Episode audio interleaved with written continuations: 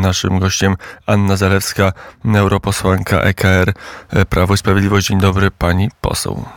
Dzień dobry, witam. E, dzisiaj na komisji, na komisji e, ma być, jednej z komisji e, Parlamentu Europejskiego ma być głosowany i procedowany projekt zmian traktatowych takie rzeczywiście są tytuły, które no, jeżą włos na głowie, koniec suwerenności, wszystko idzie do Brukseli. Bruksela stworzy nowe ciało, które w sposób pozademokratyczny będzie rządzić nami wszystkimi. A może to jest tylko krzyk medialny, może to jakaś komisja coś przegłosuje nawet, ale co z tego, że jakaś jednak komisja w Europarlamencie coś przyjmie, e, tak naprawdę takie głębokie zmiany nie są w Unii Europejskiej możliwe. Jak to wygląda? Gdyby nie było możliwe, to nie zaczęłoby się głosowanie dzisiaj, e, bo rzeczywiście ono już e, trwa.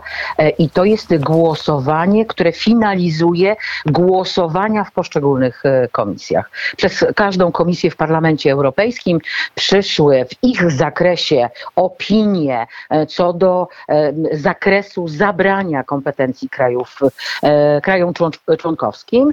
W wypadku ochrony środowiska to były innymi lasy, wody, grunty, planowanie przestrzenne, e, energetyka e, i tutaj e, posłowie PSL-u, Lewicy i Platformy Obywatelskiej były za. Czyli parlament w komisjach już się wiedział. Jest większość za tym, żeby traktaty zmieniać ta komisja konstytucyjna na podstawie raportu e, właśnie zaczęła głosowania. Jest ich bardzo dużo.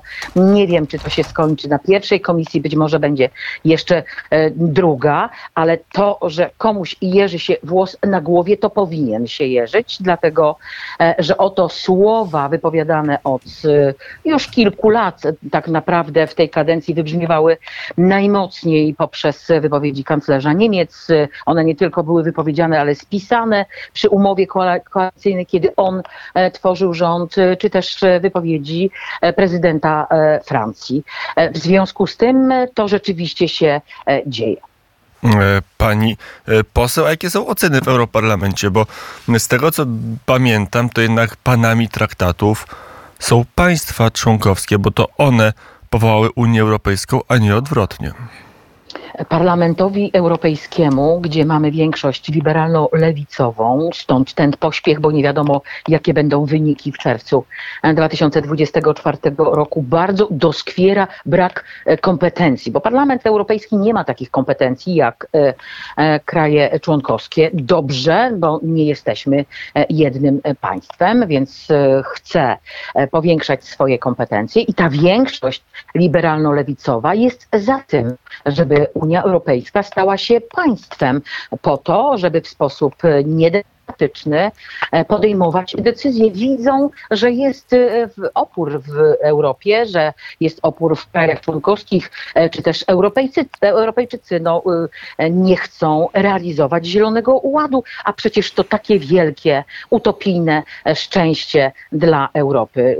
Główny ideolog Zielonego Ładu uciekł do swojego własnego kraju. I tutaj na każdym wystąpieniu, w każdym wystąpieniu, szczególnie na Komisji Środowiska, środowiska, jest taki niepokój, e, że to się może e, zmienić. Więc to też jest taka e, emocja związana z budowaniem polityki Unii Europejskiej, ale w tym raporcie no, pojawiają się rzeczywiście wyłączenia kompetencji absolutnie w każdym zakresie obronności, polityki zagranicznej, podatków, edukacji. Edukacja ma wejść do mm, traktatów, tak jak i zdrowie. Jednocześnie mówi się o jednej strefie euro i mówi się o tym, że nie ma równości płci um, i równości każdego obywatela. Tu wprost mówi się o gender, czyli e, że płeć jest tylko i wyłącznie wytworem e, kulturowym. E, no i oczywiście owa jednomyślność. E, na szczęście e, Rada Europejska w sposób jednomyślny będzie decydować o tym, czy zmieniać traktat, czy nie. W tej chwili Komisja Europejska pracuje nad tym, żeby spróbować to jakoś ominąć, bo też marzy o tym, żeby już nie było 27 komisarzy, czyli przedstawicieli każdego kraju, tylko 15. 15 bardzo dobrze kojarzy się ze starą piętnastką. mm, i tylu będzie komisarzy, e, to będzie jakaś forma egzekutywy. To teraz pani poseł po kolei, e, co właściwie, jakie kompetencje e, trafią do tej piętnastki, która zastąpi komisję? Będzie też rozszerzona, jak rozumiem, komisja, gdzie będzie utrzymany ten mechanizm, jak rozumiem, jeden członek z jednego, jeden przedstawiciel z każdego kraju członkowskiego, ale to już będą inne kompetencje. Gdzie właściwie po tej reformie będzie centrum władzy, która będzie zarządzać naszym codziennym życiem, także naszym w Warszawie, Krakowie, Wrocławiu. Chciałoby się powiedzieć e, Bruksela, ale to trochę nieprawda, dlatego że Niemcy i Francuzi nie ukrywają, że chcą e, tutaj wieść absolutny prym i to oni chcą e, decydować. Zachowali sobie jedną, jedną mianowicie rozszerzanie Unii Europejskiej. Tak naprawdę to Niemcy będą zawsze mogły powiedzieć nie zawetować. Mamy całą historię ich działań związanych z, wo z wojną z wojną w Ukrainie. W związku z tym wiemy, jakie są emocje i wiemy, jaki jest ich stosunek do dalszego rozszerzenia. W związku z tym rzeczywiście to Berlin i Paryż będą decydowały o losach całej Unii, całej Unii Europejskiej. Mm, to jeszcze mm, e, pytanie, dobrze, czyli tutaj zachowają, a ta 15 członków mm, tej nowej komisji, co oni będą robić, jaką, jaką, jakie decyzje będą podejmować? No takie jak podejmuje rząd w każdym państwie. E, mianowicie, e, jeżeli będą mieć e, kompetencje decydowania czy współdecydowania o obronności, o polityce zagranicznej, o podatkach, o edukacji, o zdrowiu, energetyce, o środowisku, no to będą to decyzje, które my już znamy. My wiemy, jakie tutaj, mm, prawda, jaki jest tutaj kierunek myślenia. W związku z tym wyobrażamy sobie, sobie, e, że kraje członkowskie właśnie w zakresie tych e, kompetencji nie będą podejmować samodzielnie e, decyzji. Jak patrzymy na współ, współ odpowiedzialność Unii Europejskiej i krajów członkowskich, bo mamy kilka przecież takich współdzielonych kompetencji, albo tam, gdzie kompetencja jest wyłączna Unii Europejskiej, to widzimy po pierwsze granice, I e, ten e, kłopot, że my musimy na podstawie jednego artykułu samodzielnie blokować import z Ukrainy, to po pierwsze, a współdzielone widzimy na przykład w rybołówstwie. No, nikt w Polsce, czy też w Europie, bo przecież rozmawiam z rybakami, nie powie, że ciągłe zakazy różnego rodzaju połowów nie prowadzą do bankructwa e, poszczególnych całych rodzin e, rybackich. To pokazuje, e, w którą stronę ta polityka zmierza. A tak naprawdę prostu oligarchowie, lobbyści europejscy światowi będą tutaj wieść prym. Będą rozdzielać, będą dzielić uprawnienia mm, i możliwości działania powiedziała pani, że jest próba, aby znieść jednomyślność. To wydaje się niemożliwe albo nieprawdopodobne. Nie, to jest zapisane w raporcie. Nie, to jest zapisane w raporcie. Ale jak to, to zrobić? Czy są zmiany traktatowe? No zmiany traktatowe przyjmuje się jednomyślnie. To jest jakby abecadło tak, prawa europejskiego. Oczywiście, że tak. Dlatego um, kiedy słuchamy różnego rodzaju dyskusji, e, wielu przywódców krajów europejskich się zgadza. E, w tej chwili jest w poszukiwaniu prawnym pomysł na to, żeby e, no, obejść tę jednomyślność. Przecież cały pakiet Fit for 55 to jest obejście jednomyślności. Ale on jak nie dotykał traktatów, tak bardzo mamy konkretne zapisy zmian tak. traktatowych. Tak. Ma pan redaktor rację zmiany traktatowe. Jak nikt w traktatach zapisane są, że są one jednomyślne. E, ale e, boję się, kto będzie premierem e, za pół roku, za rok, czy premier Rzeczypospolitej będzie potrafił powiedzieć weto. E, Europarlament kończy e, głosowanie w komisji, ale pani poseł powiedziała, że tu jest pośpiech, żeby zdążyć przed czerwcowymi wyborami, przed potem nowym rozdaniem w urzędach, najwyższych urzędach Unii Europejskiej. Co teraz nas czeka po tym dzisiejszym, to pewnie dzisiaj się zakończy, po tej dzisiejszej turze, czy rundzie, czy cyklu głosowań na komisji takiej no, konstytucyjnej, chciałbym no, się powiedzieć, Unii zostanie tak, to, to głosowanie zostanie przedstawione. Rozpocznie się przygotowanie rozwiązań i procedur e, zmierzających e, do e, uruchomienia całej sekwencji zmian traktatów, aż do przedstawienia na Radzie Europejskiej. W związku z tym, że te działania są bardzo intensywne, myślę, że najbliższe tygodnie i miesiące będą rozstrzygać, w którą to stronę pójdzie. Myślę, że dosłownie jutro, pojutrze, bo trzeba będzie czytać wszystkie poprawki, bo tam jest ich e, mnóstwo, jest próba ratowania e, tego raportu i tych e, głosowań. Będziemy mogli z Państwem rozmawiać i pokazywać, co będzie się działo w ciągu najbliższych tygodni, miesięcy. To jeszcze jedno pytanie czy na pewno jest taka większość, no bo oczywiście Berlin i pewnie trochę Paryż mogą liczyć na to, że poprzez te zmiany traktatowe uda im się Mm, no, zwiększyć swoją władzę, odbudować jakieś imperium. E, te imperia zamorskie e, dawno już spadły, e, ale teraz może zbudują w Europie swoje imperium poprzez instytucje Unii Europejskiej, ale inne kraje, no jest Hiszpania, są Włochy, na pewno będzie tak, że pozostałe państwa się zgodzą na to oddanie kompetencji. Na razie jest większość w parlamencie europejskim. E, I tam są i Włosi, i Francuzi, i Niemcy, i Polacy, którzy są za tymi zmianami. To przykład. E, I tutaj e, dzieją się te rzeczy. Przypominam, że pojawił się niepokój, protest chyba 14 krajów, bo to działo się ponad rok temu, kiedy był raport z kolei z takiej konferencji o, o przyszłości Europy i tam w sposób niespodziewany spodziewany właśnie pojawiły się te wnioski, które są w tej chwili realizowane.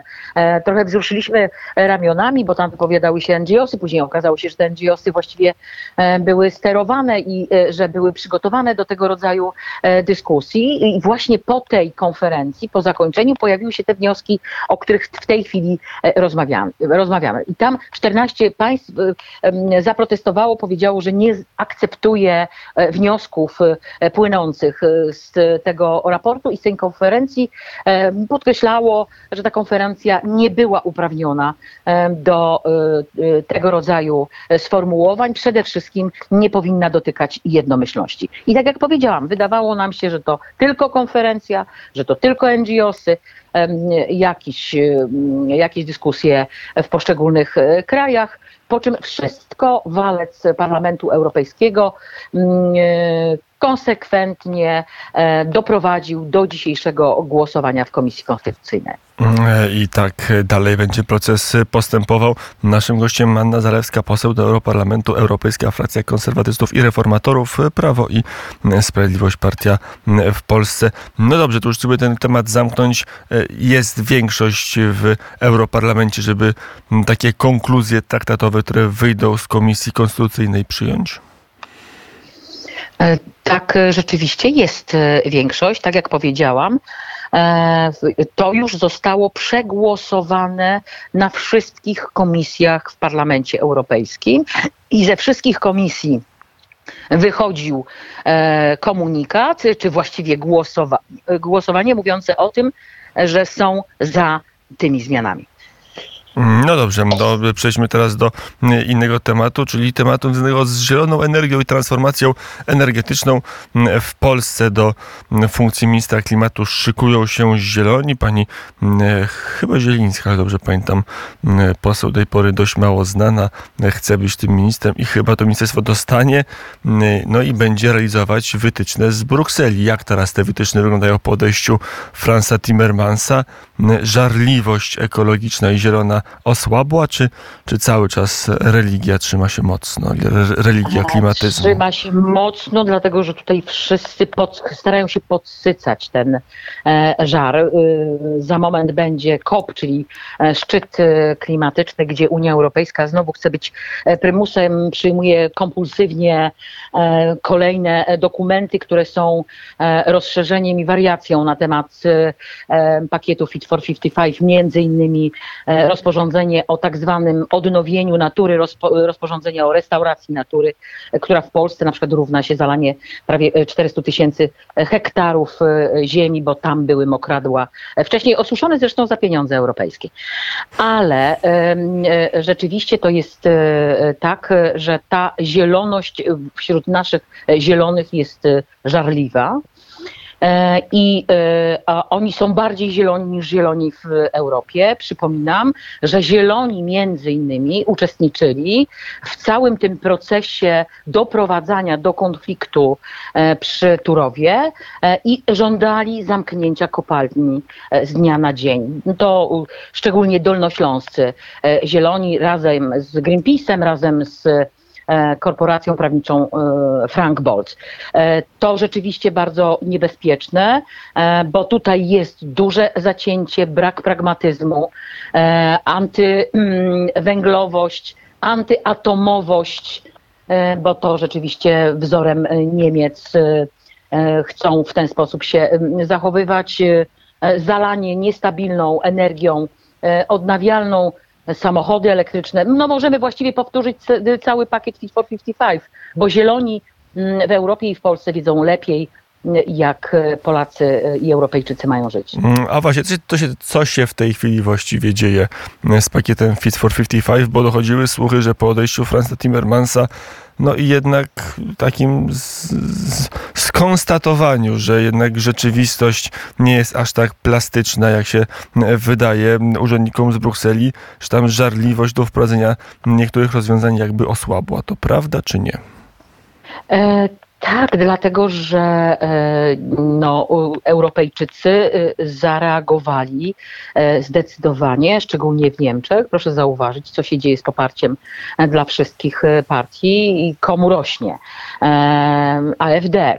Niemcy szczególnie czują się obciążeni polityką europejską, bo mają swoją politykę klimatyczną i jeszcze do tego tą, która jest związana związana z pakietem Fit for 55. Natomiast rozporządzenia dalej funkcjonują, one będą e, działały. Jeżeli nie będzie takiej zielonej e, większości, bo socjaliści są czasami bardziej zieloni niż zieloni, mm, z naszymi e, europols, posłami, europosłami z Polski, to rzeczywiście za moment będą wchodzić poszczególne przepisy, ale absolutnie tego nie wytrzymają Europejczycy. To, co ja zawsze powtarzam, że w którymś momencie zdecyduje ulica o pakiecie Fit for 55, e, a e, oprócz tego no, czekamy na rozstrzygnięcia e, zaskarżenia przez Ministerstwo Klimatu Polskiego mm, pakietu, bo tam większość tych dokumentów została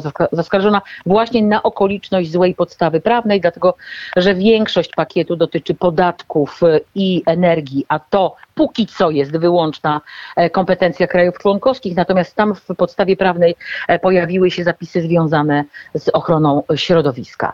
E, w związku z tym rzeczywiście kluczowe będą wybory do Parlamentu Europejskiego i również ta procedura e, związana ze zmianą e, traktatów. Bo jeżeli Rada Europejska zgodzi się na zmianę traktatów, no to rzeczywiście będzie mm, jedno państwo, które o Zielonym Ładzie będzie decydować właściwie w sposób totalny. No właśnie, bo tam w tych, wracając do tych zmian traktatowych jest przekazanie szeregu polityk, między innymi polityk leśnych, czy teraz za urządzanie lasów w naszych gminach będzie gdzieś tam urzędnik w Brukseli y, decydował? Jeżeli doszłoby do zmiany y, traktatów, y, rzeczywiście tak będzie i to właśnie urzędnik brukselski będzie decydował. Mm, I będzie mówił, ile możemy wyciąć, a ile musimy zostawić, ile drzew, a przede jakich. Będzie chciał na tym zarobić. Dlatego, że w tej chwili e, idzie dokument, przepraszam za kolokwializm e, poselski. E, On został przegłosowany na Komisji Środowiska. Em, Za moment będzie głosowany w Parlamencie Europejskim certyfikowania pochłaniania dwutlenku e, węgla. To taki ETS 3 e, gdzie teoretycznie rolnicy i leśnicy będą mogli zarobić na tym, że nie wycinają e, i nie prowadzą gospodarki e, rolnej, czyli zostawiają ziemię e, w nieużytkach, ewentualnie sadzą e, lasy, ale stworzy się e, rynek podobny do rynku ETS-owym, który nie będzie miał absolutnie żadnego nadzoru. I tu znowu e, wprowadzamy system e, podatkowy, e, finansowy, który jest poza wszystkimi innymi fi- finansowymi e, e, systemami w krajach członkowskich i e, w Europie, bez jakiegokolwiek nadzoru. Mm, Jak to bez nadzoru? To kto będzie właściwie e, patrzył co, jak, gdzie, kto będzie zbierał zyski? E, Po pierwsze Komisja Europejska, bo ona ma ambicje mm, e, wydania różnego rodzaju aktów e, delegowanych, gdzie pokaże różnego rodzaju współczynniki, w jaki sposób to robić i za co można wziąć pieniądze. To firmy, takie firmy certyfikujące pojawią się, bo one funkcjonują już w Europie, przychodzą do rolnika, pokazują mu skrajnie niedobrą umowę, gdzie mówią, tego nie będziesz sadzić, tamtego nie będziesz sadzić, posadzisz to. Ja cię będę kontrolował raz do roku i w związku z tym będę ci płacił ileś. No, rynek będzie decydował e, ile.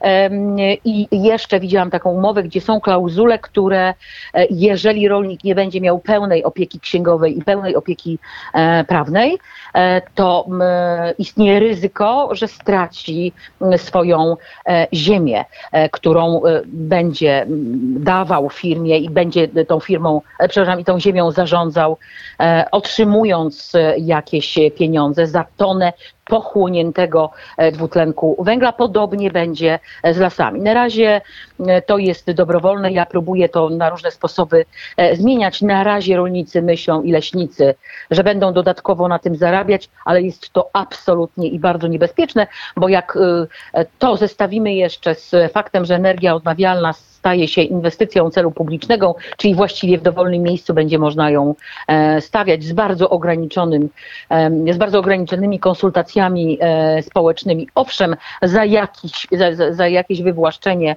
e, i pieniądze, to jesteśmy w stanie sobie wyobrazić nasze bezpieczeństwo żywnościowe e, za e, 5-10 lat.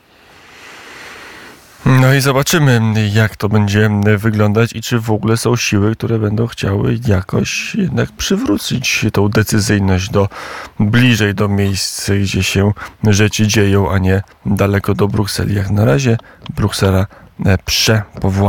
E, I to trochę niezauważone, trochę w cieniu polskiej debaty publicznej, bo poza częścią mediów, w zasadzie media głównego nurtu cicho. E, Szam jakoś się Brukselą nie interesują e, specjalnie.